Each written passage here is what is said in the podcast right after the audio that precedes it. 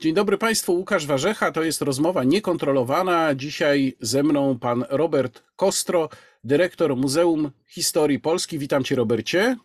Dzień dobry, cześć. E, I zacznijmy od tego, co jest chyba najważniejszą rzeczą do tej pory w życiu Muzeum Historii Polski, czyli Muzeum Historii Polski zostało otwarte. Stało się to, chyba jeśli dobrze pamiętam, tydzień przed wyborami parlamentarnymi, czyli w październiku ubiegłego roku. Dwa tygodnie. Dwa tygodnie. Dwa tygodnie. Ale co to w praktyce oznacza, że Muzeum Historii Polski jest otwarte? To znaczy, że mamy wystawę czasową na razie, mamy audytorium, salę kinową, salę konferencyjne, sale edukacyjne. W związku z tym e, prowadzimy działalność wystawienniczą, na razie jeszcze bez wystawy stałej, ale prowadzimy również działalność naukową, edukacyjną, kulturalną, bo te y, pomieszczenia pozwalają również na taką działalność. Poza tym ten gmach jest o tyle ciekawy, że ma na górze taki taras widokowy, w związku z tym warto go zwiedzić, nawet jeśli jeszcze no, ktoś będzie miał trochę niedosyt, że nie ma tej wystawy stałej, ale to nie jest y, taki wyjątek, bo wiele muzeów y, właśnie startowało bez y, tej docelowej wystawy, zwłaszcza te duże muzea. Po prostu ta, te, tego rodzaju wystawy, które mają po parę tysięcy metrów, no, są montowane dość długo. Pytam o to dlatego, że wokół tej sprawy mm, pojawiło się jakieś pojawiły się jakieś kontrowersje, często z tyłem politycznym zresztą, i można odnieść wrażenie, że wiele osób uważa, że muzeum otwarte jest wtedy, kiedy ma już tę stałą wystawę. Ty powiedziałeś, że y, są przykłady dużych, zwłaszcza muzeów, które uruchamiały się albo partiami, albo właśnie tak. najpierw tylko z wystawą czasową. Czy w Polsce takie muzea duże w ten sposób jakieś też się otwierały? Tak, Muzeum Polin najpierw otworzyło się tylko z przestrzenią wystaw czasowych. Y, poza tym y, w ubiegłym roku byłem na przykład w Bratysławie, gdzie y, otwarto niedawno Galerię Narodową, również bez wystawy stałej jeszcze. Poza tym tutaj po sąsiedzku mamy Muzeum Wojska Polskiego, gdzie jest wystawa tymczasowa. Ona niby opowiada o całej historii Wojska Polskiego, ale to jest tylko początek, bo y, ta docelowa wystawa będzie kilkakrotnie większa. Y, tak samo otwierało się w etapach Muzeum Powstania Warszawskiego. Pierwsza wystawa obejmowała może jedną trzecią tego, co dzisiaj możemy zobaczyć. No ale właśnie o to chodzi, prawda, że jeżeli jest budynek i można tam już coś pokazywać, można coś robić, no to nie ma sensu czekać, żeby ta wystawa była kompletna. No warto, warto, żeby ten budynek już pracował. A on pracuje zresztą nie tylko w, w, właśnie w takim wymiarze czysto wystawienniczym, y, bo też y, ten, zwłaszcza ten nasz budynek ma wiele takich możliwości y, i funkcji ważnego gmachu publicznego. No, dość powiedzieć, że tutaj już były jakieś konferencje organizowane czy to przez Ministerstwo Kultury, czy przez jakieś inne instytucje teraz będziemy mieli ogromną konferencję organizowaną przez duńską ambasadę z udziałem duńskiego króla. Y, są też y, imprezy komercyjne, na których my trochę nawet zarabiamy. Był na przykład WOK u nas. Także jest to gmach, który po prostu pracuje i no, byłoby aż żal, gdyby, gdybyśmy czekali teraz to w tej chwili ponad 20 miesięcy na, na to, że Y, na to, żeby otworzyć wystawę stałą. A co można zobaczyć na tej wystawie czasowej, która już jest uruchomiona? Na naszej wystawie czasowej Wielkie i Małe Historie pokazujemy około 500 obiektów z naszych zbiorów. Tak właśnie na inaugurację chcieliśmy się pochwalić tym, co udało nam się zebrać, bo to jest no, z jednej strony magmach, a z drugiej strony wnętrze. Jeszcze nie chcemy pokazywać, bo nie możemy wystawy stałej, ale taki właśnie trochę y, zadatek tego, taką przystawkę na razie. Y, Niektórzy by powiedzieli z angielska teaser, że to jest taki teaser. teaser. Tak, albo appetizer. Hmm. Y, I chodziło nam o to, żeby również trochę podziękować różnym ludziom i instytucjom, dzięki którym zebraliśmy te zbiory. I dlatego, a, i jeszcze też, żeby trochę pokazać pracę muzealnika, prawda? To znaczy ułożyliśmy te eksponaty według tego, w jaki sposób je pozyskaliśmy. Z jednej strony mamy na przykład y, rzeczy wykopane przez archeologów podczas prac budowlanych, tutaj na Cytadeli. Mamy dary, mamy osobno pokazane obiekty, które zostały pozyskane takie, które zaginęły czy, czy zostały ukradzione w czasie II wojny światowej, no w każdym razie utracone, bo czasami ta, ta historia była jeszcze bardziej skomplikowana. Obiekty archeologiczne też stanowią jakiś odrębny dział. No i zakupy to też jest ważna rzecz. Też część rzeczy mamy jako efekt współpracy z innymi instytucjami. To też dla nas Y, zwłaszcza ta część i, i ta część poświęcona darom, to są niesłychanie ważne.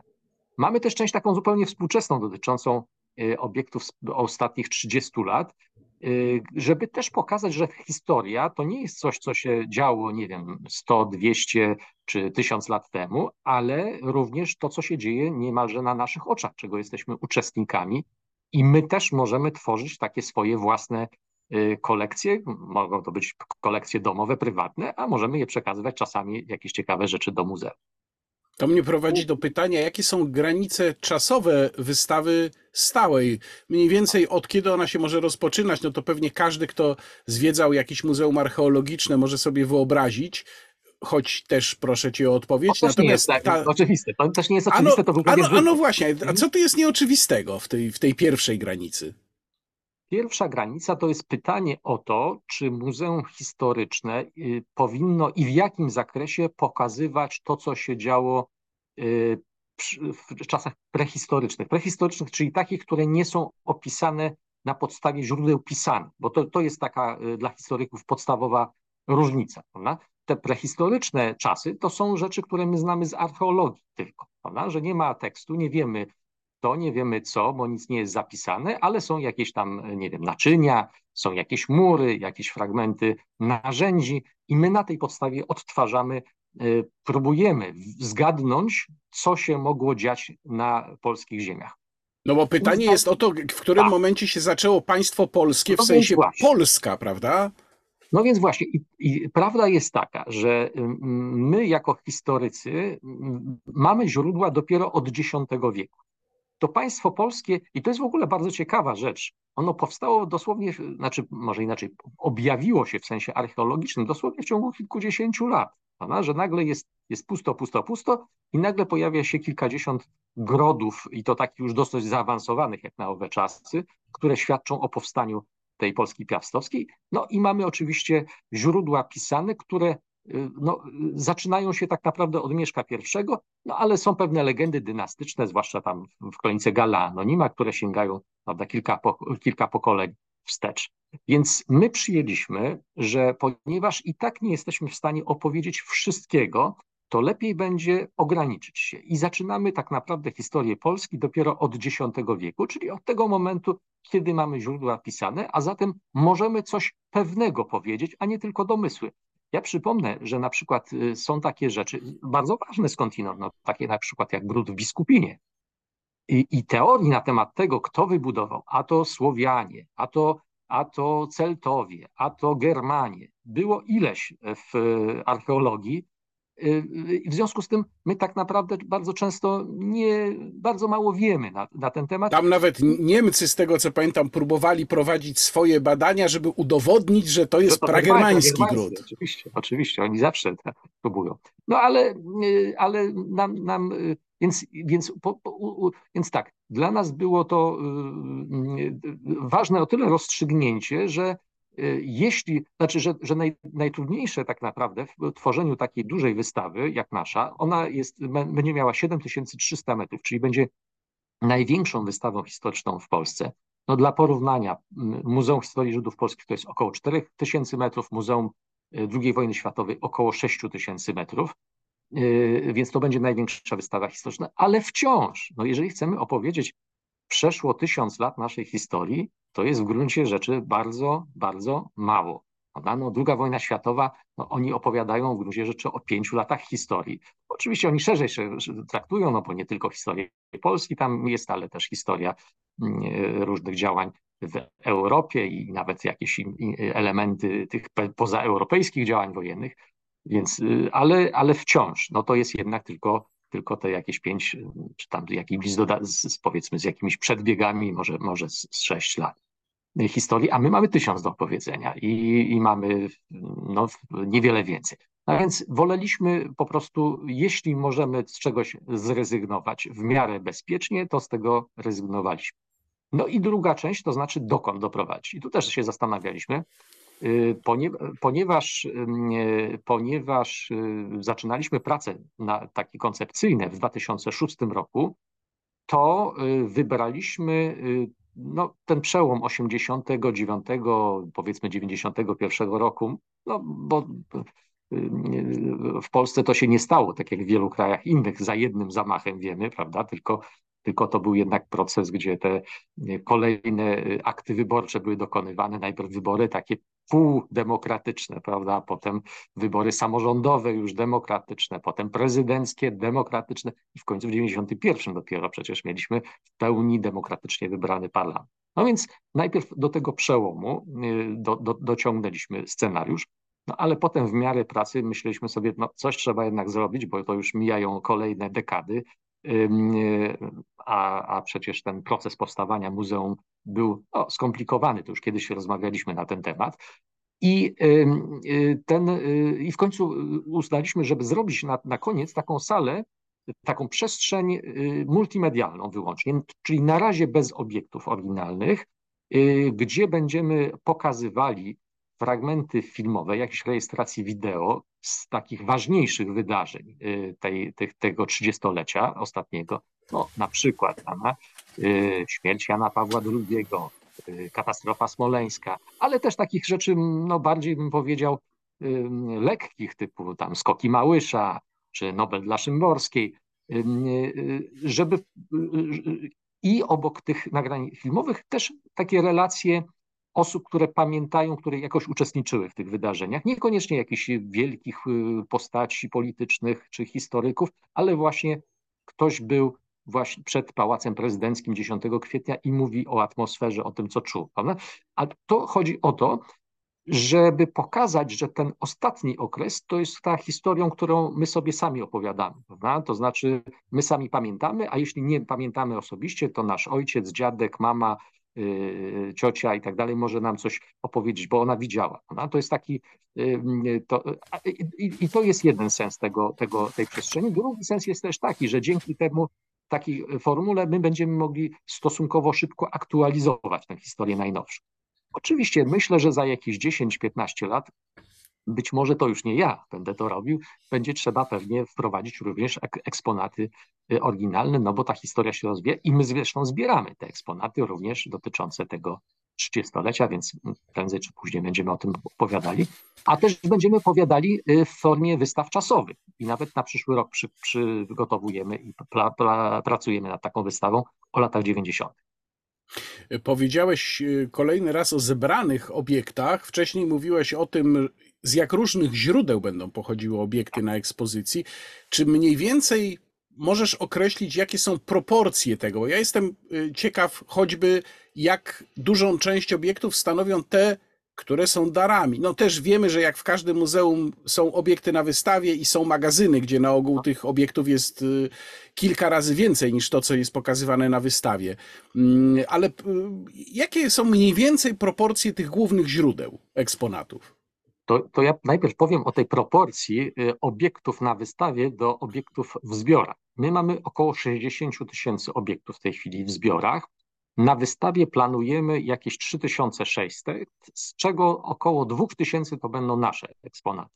Czyli no, to jest rzeczywiście niewielki yy, procent tego, co będzie na ekspozycji, ale też trzeba pamiętać, że yy, często muzea zbierają obiekty, które no, mają taki charakter y, powiedzmy masowy, czy jakiś no, powtarzalny, to może to jest, nie jest najlepsze słowo, ale w każdym razie na przykład y, cały rocznik jakiegoś czasopisma. Wtedy tych czasopism, tych, tych egzemplarzy y, liczymy czasami kilkadziesiąt czy kilkaset nawet, albo jakiś zbiór, kolekcję fotografii. Ktoś przynosi interesujący zbiór fotografii i wtedy też kilkadziesiąt albo nawet kilkaset jest takich fotografii, ale trudno je wszystkie eksponować. Więc te rzeczy, które są w magazynie, one są również przydatne, bo one są przydatne do badań naukowych, ale też na przykład do wystaw czasowych, poza tym do wypożyczeń. No, czasami jakieś inne muzeum czy jakaś instytucja zgłasza się do nas i z prośbą o to, żeby im wypożyczyć, udostępnić jakiś materiał No i wreszcie można je wykorzystywać również do działalności takiej w, w innych mediach, czyli na przykład w internecie umieszczać jakieś, jakieś zdjęcia mm, czy jakieś, mm, jakieś kopie. Natomiast jeśli chodzi o proporcje, to myślę, że gdzieś około dwóch trzecich to są dary. Dużo jest tych darów. To prawda jest taka, oczywiście, że, że jeśli chodzi o wartość, dużo tych darów to są rzeczy stosunkowo niskiej wartości, w sensie takim czysto materialnym, ale często są to bardzo na przykład cenne pamiątki no, z punktu widzenia y, takiej pamięci jednak historycznej, no bo jeżeli, jeżeli na przykład na tej wystawie czasowej teraz inauguracyjnej pokazujemy na przykład takie karteczki, które ludzie dawali dzieciom do woreczka na szyję w czasie wojny, żeby y, był adres, nazwisko dziecka i tak dalej, no to oczywiście to nie jest coś, co, co ma taką samą wagę w sensie materialnym, jak, nie wiem, enigma, którą pokazujemy w innym miejscu tej wystawy, mm, ale to jest tak poruszające, y, y, że, że, że w jakimś sensie to jest nawet, może być nawet ważniejsze niż, niż, niż jakiś cenny obiekt, który kupiliśmy na aukcji. Teraz muszę zadać pytanie, które się zawsze pojawia, kiedy jest mowa o Muzeum Historii Polski, i to jest pytanie o sposób prezentowania różnych kontrowersyjnych momentów w polskiej historii. Mianowicie, y, no, można pomyśleć o różnych przykładach. Ty właściwie o jednym tutaj wspomniałeś już, y, mianowicie powiedziałeś o 10 mm, kwietnia i o tym, że w tym ostatniej, w tej ostatniej części mają być relacje ludzi, jak to zapamiętali. No i ja od razu sobie przypomniałem, że to jest pytanie o to, kogo zapytamy, bo inaczej będzie to opowiadał ktoś, kto stał i bronił krzyża na krakowskim przedmieściu, a inaczej ktoś, kto uważał, że to jest, nie wiem, jakaś, jakiś, jakiś fanatyzm i atakował tych obrońców krzyża. No mhm. ale takich kontrowersyjnych punktów może być znacznie więcej, również sięgających gdzieś dalej. Na przykład relacje e, polsko-ruskie, mam na myśli ruskie w sensie ukraińskie, łącznie z powstaniem Chmielnickiego, w ogóle cała historia relacji polsko-ruskich, potem polsko-ukraińskich, więc też sytuacja przed II wojną światową, wydarzenia takie jak e, zabójstwo ministra Pierackiego, wszystkie powstania przecież, wokół których cały czas mamy bardzo gorące mm, dyskusje. No krótko mówiąc, jakbyśmy siedli, to pewnie byśmy mogli co najmniej kilkudziesięciopunktową listę takich ym, kontrowersyjnych węzłów w naszej historii skompilować. Jak do tego podchodzicie? Dla nas jest, tu, tu, jest ważna jedna rzecz, to znaczy, że muzeum jest, y, y, bo, bo tutaj ty jesteś publicystą, i masz świadomość, że jak piszesz artykuł, to on musi mieć ostrą tezę, prawda? Bo inaczej to nikt go nie zauważy, mało ludzi będzie go chciało czytać. I, i na tym polega y, publicystyka, y, czy, czy, czy w czasopismach, czy, czy w jakichś mediach elektronicznych, no, że, że, że, trzeba jednak postawić jakąś tezę i wokół tej tezy potem się rozwija jakaś dyskusja i wtedy jest fajnie, prawda? I o to chodzi. Zresztą w dyskusjach historycznych często też tak jest, ona, że, że, że stawia się jakąś tezę i potem się jej broni, inni atakują i tak dalej, i tak dalej. I to jest w porządku. Ale i tutaj jest część i pracy historyka, a, je, a też muzealnika, która polega również na dokumentowaniu różnych rzeczy, no po pierwsze niekontrowersyjnych, więc, więc to, to jedno trzeba rzecz pamiętać, prawda, że jest ileś rzeczy w historii, które są ważne, które są bardzo ciekawe, są niespecjalnie kontrowersyjne, prawda?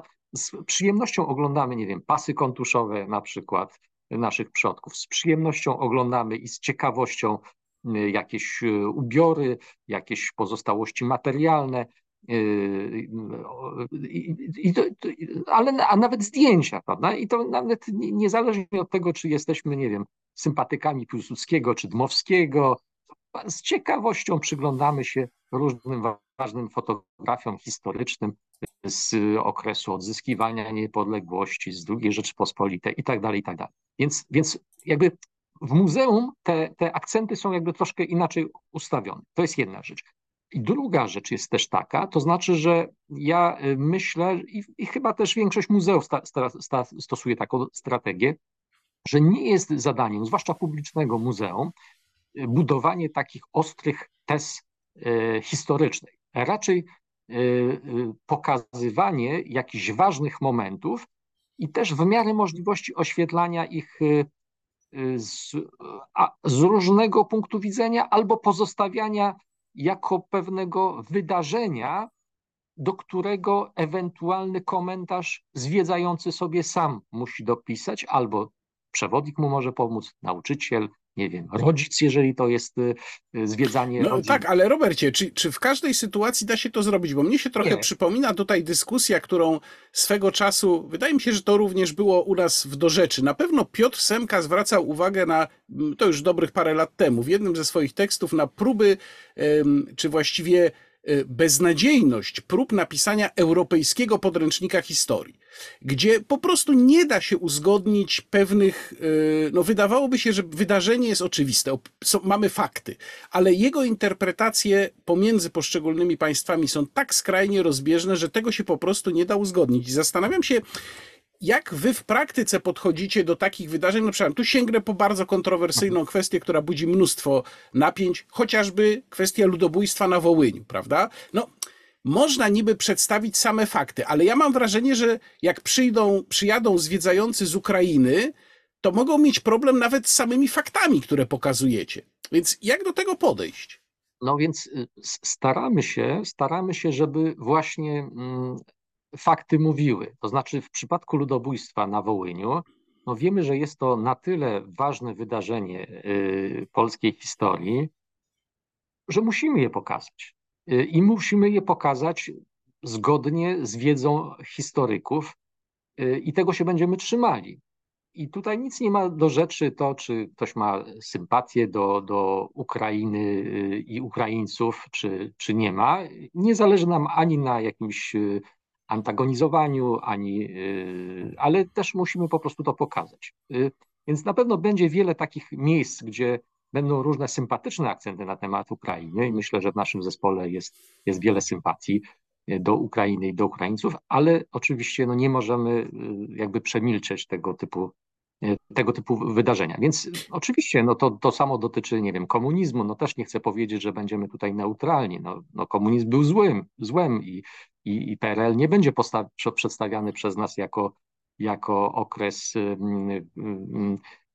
wyłącznie tego, jak korzystaliśmy z Frani i, i, i Malucha, ale również będziemy przypominali o, o działalności UB, SB, czy o, o, o różnych zrywach antykomunistycznych. Przepraszam, ale tu muszę zapytać, bo to się bardzo często na ekspozycjach w różnych muzeach pojawia. Czy będziecie mieć u siebie na wystawie malucha właśnie?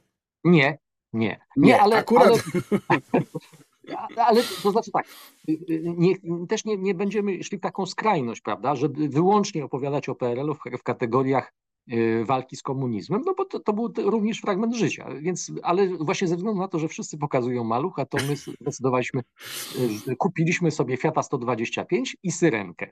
I y, chyba Fiata 125 ostatecznie postawimy, ale być może będziemy go tam z tą Syrenką wymieniali, ale Fiat 126 nie. Pytanie jeszcze o, o, te, o te kontrowersyjne punkty, a właściwie o to, jak będziecie i czy w ogóle będziecie relacjonować z kolei debatę o nich, która też jest częścią polskiej historii. Podam przykład, żeby było jasne o co mi chodzi. Dopiero co mieliśmy rocznicę rozpoczęcia powstania styczniowego. No i sekwencja była taka: powstanie styczniowe, przegrane powstanie styczniowe. Potem z tego y, narodził się y, ferment intelektualny, który zaowocował powstaniem grupy Stańczyków krakowskich i w ogóle całego całego tego nurtu w historiografii bardziej krytycznego wobec nas samych, wobec, wobec naszych decyzji, naszych czynów. Czy po, oprócz pokazywania wydarzeń, będziecie również w jakiś sposób relacjonować te dyskusje, które potem wokół wydarzeń się rozgrywały, czy z tego rezygnujecie na wystawie?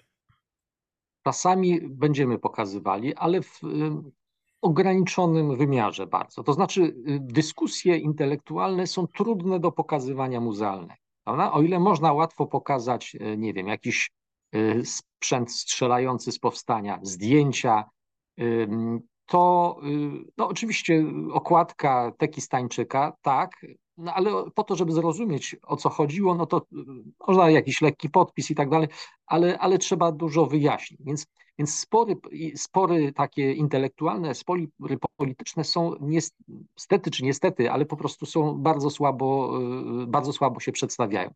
Więc to jest właśnie ta różnica, że, że my zazwyczaj po, po, pracujemy obrazami. Jeśli coś daje się ciekawie zwizualizować, to to jest łatwiejsze do przedstawienia w muzeum. Y, y, a, a, a, a, spory są świetne do przedstawiania właśnie w, w tekście narracyjnym, artykuł i tak dalej. I tutaj oczywiście jest rola też takich y, działalności wokół muzealnej, czyli wokół wystawy, czyli działalności edukacyjnej, działalności naukowej, działalności takiej popularyzatorskiej muzeum. No bo można zorganizować na przykład pokaz filmu, tak jak teraz będziemy w najbliższy weekend organizowali, czy y, jakiegoś historycznego i wokół tego dyskusji. Można zorganizować debatę, można zorganizować jakieś spotkanie z, wokół jakiejś ciekawej książki i tu jest najlepsze miejsce do tego, żeby właśnie y, te, wybrzmiały dobrze te kontrowersje, te spory i, i, i, i dyskusje. I tego się nie, nie, będziemy się tutaj bronili, bo wydaje mi się, że, że, że zwłaszcza w tych y, takich tematach, o, o których tu, tu wspominaliśmy, wiem, czy Wołyń, czy, czy, czy czy właśnie powstania narodowe, stosunki polsko-żydowskie, jest ileś takich tematów niesłychanie ważnych, o których warto po prostu dyskutować. I ja bym chciał, żebyśmy dyskutowali po prostu, a nie zamykali się na jedną prawdę wyłącznie. Ja jestem y, namiętnym zwiedzaczem muzeów i zwłaszcza w tych nowoczesnych muzeach bywa, że przytłacza mnie trochę um, zawartość multimedialna. Jest jej po prostu czasem, przynajmniej w mojej ocenie, za dużo, a to był, był lub jest nadal, nie wiem, bardzo modny trend przy tworzeniu muzeów. Stąd pytanie, jakie u Was będą proporcje pomiędzy obiektami a zawartością multimedialną, która, no to trzeba też sprawiedliwie dodać, czasem jest tak sformatowana, że ona ma być dla chętnych, dla tych, którzy chcą tam głębiej wejść, zapoznać się z większym tłem historycznym. Jak to u Was będzie zrobione? Będziemy mieli kilka poziomów. Y, może tak, ja zdradzę jedną rzecz e, e, Państwu. E, muzealnicy często używają multimediów nie tylko dlatego, że muszą w takiej formie narracyjnej wstawić, w tym sensie, że, że, on, że one są konieczne do, do opowieści, ale również po to, żeby ktoś nie zarzucił, że tego nie ma, tamtego nie ma i tak dalej, prawda? To znaczy wiele treści jest jakby umieszczanych w, muzeali, w multimediach, no po prostu dlatego, że one się nie mieszczą na wystawie. A z różnych powodów one powinny być. Nawet jeśli, jeśli dotrą do nich tylko wy, najwytrwalsi. I, I rzeczywiście dlatego czasami się y, daje więcej multimediów niż zwykły zwiedzający jest w stanie tego skonsumować. Natomiast my będziemy generalnie prowadzili tę narrację na trzech poziomach. Jeden to jest taki poziom dla właśnie dla, dla jak najszerszej publiczności. Dlatego kto nie chce się za bardzo tam w, w, w, wgryzać w te, te y, szczegóły y, i kto też nie ma wielkiego przygotowania historycznego. No to może być albo młody człowiek, to może być cudzoziemiec. I tutaj tych multimediów będzie stosunkowo niewiele, ale one będą z kolei takie dość potężne. Czyli na przykład jak wchodzimy do sali poświęconej wolnym elekcjom, to jesteśmy na polu elekcyjnym. I to pole jest oczywiście taką kreacją multimedialną, Y, na podstawie obrazów Altomontego czy mm, y, Belotta. Y, no, jesteśmy właśnie na tej woli i, i możemy się przyjrzeć. Czy w innym miejscu, na przykład pokazujemy walki pilotów dywizjonu 303 w Wielkiej Brytanii, czy polskich dywizjonów myśliwskich w Wielkiej Brytanii, no, żeby przypomnieć o tych, tej, tej niesłychanie ważnym epizodzie naszego udziału w II wojnie światowej. Albo wchodzimy do Stoczni Gdańskiej i tam jest ogromna y, mm, taka projekcja poświęcona strajkowi sierpniowemu z 1980 roku. Więc, i, więc będzie kilka, może kilkanaście takich miejsc, których nie sposób będzie y, ominąć, bo one będą mm, ważne dla, dla, dla całej narracji historycznej.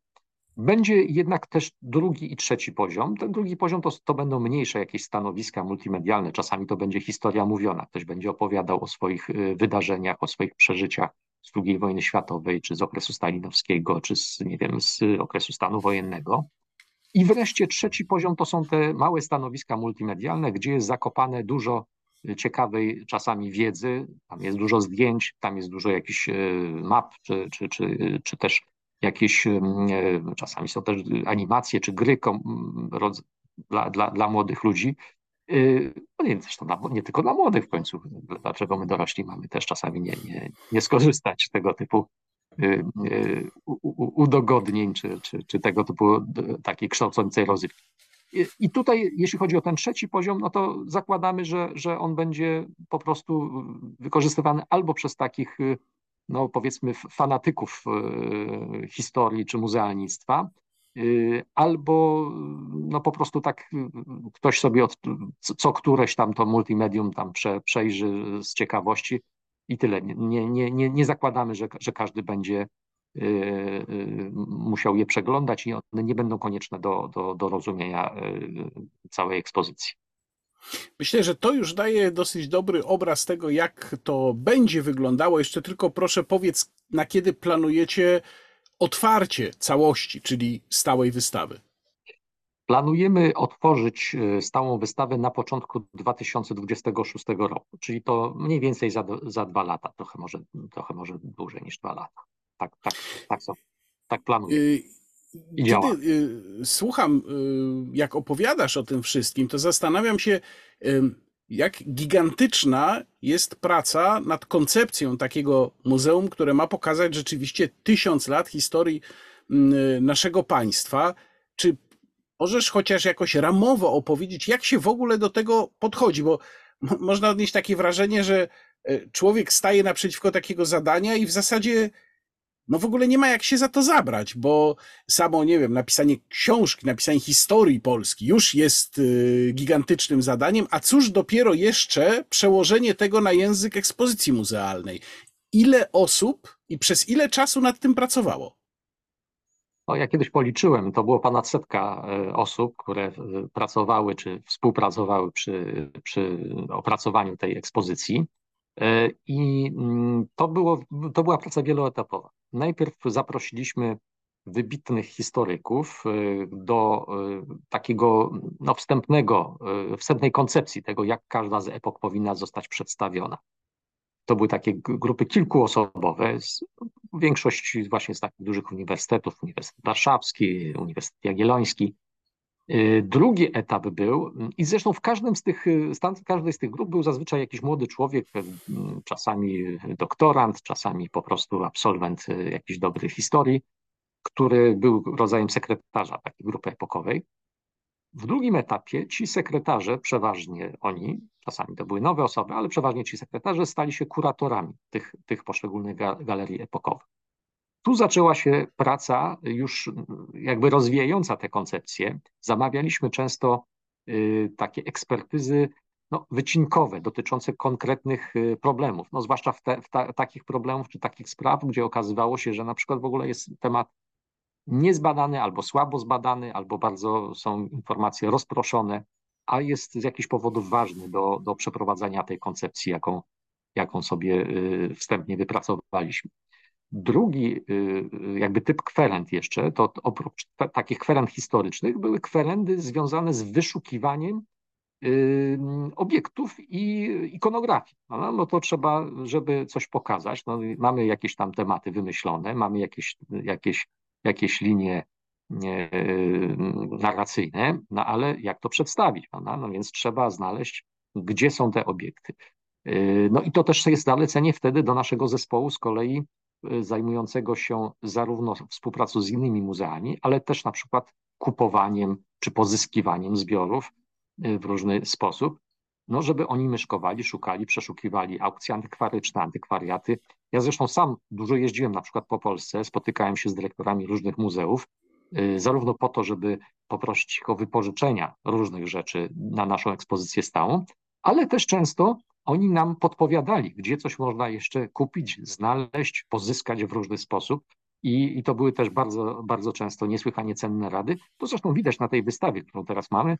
Nie wiem, na przykład y, tam jest taka maszyna tkacka z fabryki Bauera z Łodzi, o którą pozyskaliśmy dzięki współpracy z Centralnym Muzeum Włókiennictwa w Łodzi. Zresztą bardzo Moje, moje rodzinne miasto, tak, i świetne A, muzeum. nie wiedziałem nawet. Świetne muzeum. Rzeczywiście jedno z najlepszych polskich muzeum, chociaż, muzeów, chociaż stosunkowo słabo znane. W ogóle w Łodzi jest kilka bardzo ciekawych muzeów, także bardzo, bardzo to jest y, ciekawe i nie, niedoceniane turystycznie miasta. I więc, więc to był kolejny etap pracy. To zresztą nie za, to tak wygląda, że to jest tak, tak prosto, ale czasami to trwało lata, zanim od, od pomysłu do, do realizacji. Ja pamiętam, że na przykład jak zorientowaliśmy się gdzieś, że gdzieś w krzakach należących do zarządu dróg miejskich warszawskiego leżą pozostałości pomnika Dzierżyńskiego, no to od pierwszego mojego pisma do ówczesnej prezydent Warszawy Hanny Gronkiewicz-Walc do otrzymania to upłynęło chyba ze cztery lata, zanim udało nam się wydostać e, ten obiekt, no, który będzie notabene pokazywał e, końcówkę komunizmu. To znaczy nie, nie chcemy przywracać Dzierżyńskiego do pierwotnego kształtu, tylko właśnie chcemy pokazać, jak on w listopadzie 1989 roku rozpadał się i spadał z tego cokołu e, no i to był taki ważny i, i pamiętny dosyć i symboliczny moment jednak schyłku tego systemu. I to jest, więc to jest wyszukiwanie tych obiektów, to jest i, i jakby dopracowywanie tej koncepcji, w sensie rozwijania pewnych wątków tematycznych, to był kolejny etap. Wreszcie, jak już to mieliśmy z grubsza opracowane, mieliśmy już obiekt, ikonografię, tematy rozpracowane, to wtedy podpisaliśmy umowę. No ja tu ominąłem jeszcze etap konkursu na koncepcję plastyczną, ale podpisaliśmy umowę z firmą, która nam projektowała wystawę i tu niesłychanie ciekawy też etap, to znaczy rozmowy pomiędzy historykami i muzealnikami, a y, zespołem plastycznym, który w ogóle inaczej myśli. Ci ludzie w większości nie znają albo bardzo słabo znają historię, ale z kolei rozumieją media i, i, i sposób, w jaki się y, komunikuje przy pomocy obrazu, czego często historycy z kolei nie rozumieją, y, w jaki sposób to się robi. No i tu jest właśnie wypracowywanie już bardzo konkretnych rozumiem, że Rozumiem, że tam takie dochodziło do tak zwanego napięcia twórczego często oczywiście, pewnie w tych rozmowach. Ależ oczywiście, prawda, no bo nie wiem, plastyk sobie wymyśla, prawda, że będzie ład, ładnie tam przy... No, ja rzucam tak akurat, nie, nie, może to nie, nie, nie, nie, nie, nie na tym, że plastyk na przykład może sobie wymyślić, że dla zilustrowania wojny polsko-bolszewickiej będzie ładnie dać dużo tam gwiazdek czerwonych prawda, i tak dalej. No, dla historyka to jest horror, prawda? cóż to jest prawda? i tak dalej. Bo często nie rozumieją plastycy czasami takich podstawowych y, rzeczy, prawda, w jakim kontekście i gdzie i co, co, co, co znaczą pewne, pewne symbole historyczne. Więc oczywiście ta gwiazda czerwona gdzieś może się pojawić, no ale, ale, ale mm, no, jednak mm, zależy nam na tym, żeby pojawiła się w takim żeby, żeby, żeby zwiedzający jednak wiedział, po której stronie. Aż tak, mówiliśmy o, o, o różnych tematach kontrowersyjnych. Czasami oczywiście pokazujemy rzeczy z różnych stron, ale czasami, jak właśnie w przypadku wojny polsko-bolszewickiej, nie wiem, Katynia czy różnych takich rzeczy, no, prawda jest dość jednoznaczna i nie, nie, nie mamy tutaj ochoty się specjalnie jakby dzielić włosa na czworo. No więc, y, no więc tu jest ten etap pracy z plastykami. Tu też jest etap pracy nad multimediami, prawda? To znaczy wyszukiwanie na przykład y, w archiwach filmowych, w archiwach radiowych, y, w mm, różnych materiałów, przygotowanie wstępnych jakichś takich scenariuszy filmowych i, i multimedialnych i tak dalej. No i, i, i wreszcie w tej chwili już jesteśmy na etapie tego, jak to wszystko jest y, wyselekcjonowane, y, przygotowane i pracujemy już z firmą, która nam to wszystko ma pomontować, porobić i tak dalej, ale znów cały czas jest jeszcze praca tych kuratorów, oni muszą to wszystko sprawdzić, no, bo ktoś, ktoś będzie coś tam montował i tak dalej, ale czy zdjęcie Piłsudskiego nie zostało pomylone ze zdjęciem Dmowskiego, czy nie wiem, nie uciekły jakieś ważne teksty i tak dalej. Ileś tam takich rzeczy, które wydają się proste, ale w skali 7 tysięcy przeszło y, metrów kwadratowych i w skali po prostu tysięcy stron tekstu, który jest użyty. On jest często ukryty, ale, y, ale y, bo, bo, bo, bo te podpisy muszą być krótkie, ale jak, jak, jak to się wszystko pozlicza z tymi multimediami, ze wszystkim, to jest gigantyczna praca. Rozumiem, że macie taki, no chyba już trójwymiarowy model, jak to wszystko konkretnie ma w poszczególnych miejscach muzeum wyglądać, prawda? To znaczy mamy wizualizację i wirtualny taki model. Tak, to znaczy nawet na pewnym etapie mieliśmy takie okulary i można było sobie pochodzić po, po tej wystawie i porozglądać się, prawda, gdzie co jest i tak dalej. Także dzisiejsza technika daje dużo różnych bardzo ciekawych możliwości. Trochę teraz o historii Muzeum Historii Polski, zaczynając od y, podsumowania pewnie, to też wiele osób interesuje, jaki, ile to kosztowało, znaczy jaki jest, jaki jest koszt postawienia takiego muzeum, urządzenia wystawy? Mhm. Jeśli chodzi o koszty, y, powiedzmy, y, samego budynku, to jest około 600 milionów złotych. No, przy czym nie ukrywam, że jeszcze mamy pewne sporne sprawy z generalnym wykonawcą, więc y, na pewno nie, nie, nie mogę w 100% obiecać, że w wyniku tych sporów, a nie wiem, czy one się skończą jakąś mediacją, czy, czy, czy, czy będzie trzeba z tym pójść do sądu, być może jeszcze jakieś dodatkowe koszty z tego wynikną. Natomiast jeśli chodzi o wystawę stałą, no to tu jesteśmy po y, kilku procedurach y, zamówień publicznych i ostatecznie stanęło na drugim 600 milionów złotych. I to jest, nie ukrywam, też ta kwota, która, o ile co do, co do kosztów budowlanych, ona też wzrosła, ale te, te wzrosty były, były przez nas jakoś tam no, jest to zrozumiałe ze względu na to, że po prostu mieliśmy ogromną inflację i, i, i, i wojna na Ukrainie, COVID bardzo, bardzo spowodowały bardzo duże zmiany, jeżeli chodzi o ceny. Natomiast no, tutaj też oczywiście, jeśli chodzi o wystawę stałą, yy, te, te, mm, te czynniki jakoś tam odgrywały rolę. Natomiast no, jesteśmy, szczerze mówiąc, trochę zaskoczeni, ale tak wyszło, trzy, trzykrotne próby podejmowaliśmy tego, żeby żeby zbić tę cenę i, i, i ostatecznie, ostatecznie nie, nie, nie udało się, więc po prostu robimy tak, jak, jak rynek to wyceni. Kiedyś była koncepcja, żeby Muzeum Historii Polski stanęło na wielkiej płycie przykrywającej trasę łazienkowską. Dlaczego tam ta koncepcja nie doszła do skutku? No to była y, koncepcja, która mm, została wypracowana na samym początku w, z władzami miasta. Wówczas y, to były władze pod, właśnie kierowane przez Hannę Gronkiewicz-Walc. Y, my mieliśmy kilka różnych pomysłów, ale z różnych powodów ostatecznie stanęło na tamtym. W 2009 roku podpis, y, przeprowadziliśmy konkurs architektoniczny i po rozstrzygnięciu tego konkursu pod koniec właśnie 2009 roku przez kilka miesięcy najpierw ja zabiegałem o to, żeby uzyskać fundusze, ale y, ówczesny minister Bogdan Zdrojewski powiedział, no, że no, tego się nie da, bo początkowo planowaliśmy to robić z funduszy europejskich, że, że nie zdążymy wydać tych funduszy, w związku z tym musimy zaczekać do następnej perspektywy budżetowej Unii Europejskiej. Czy to było mm, uzasadnienie po to, żeby po prostu odwlec decyzję, czy, czy rzeczywiście nie było innej możliwości, no to już zostawiam to sumieniu pana ministra i, i, też ocenie innych, ale, ale w każdym razie takie, takie było uzasadnienie.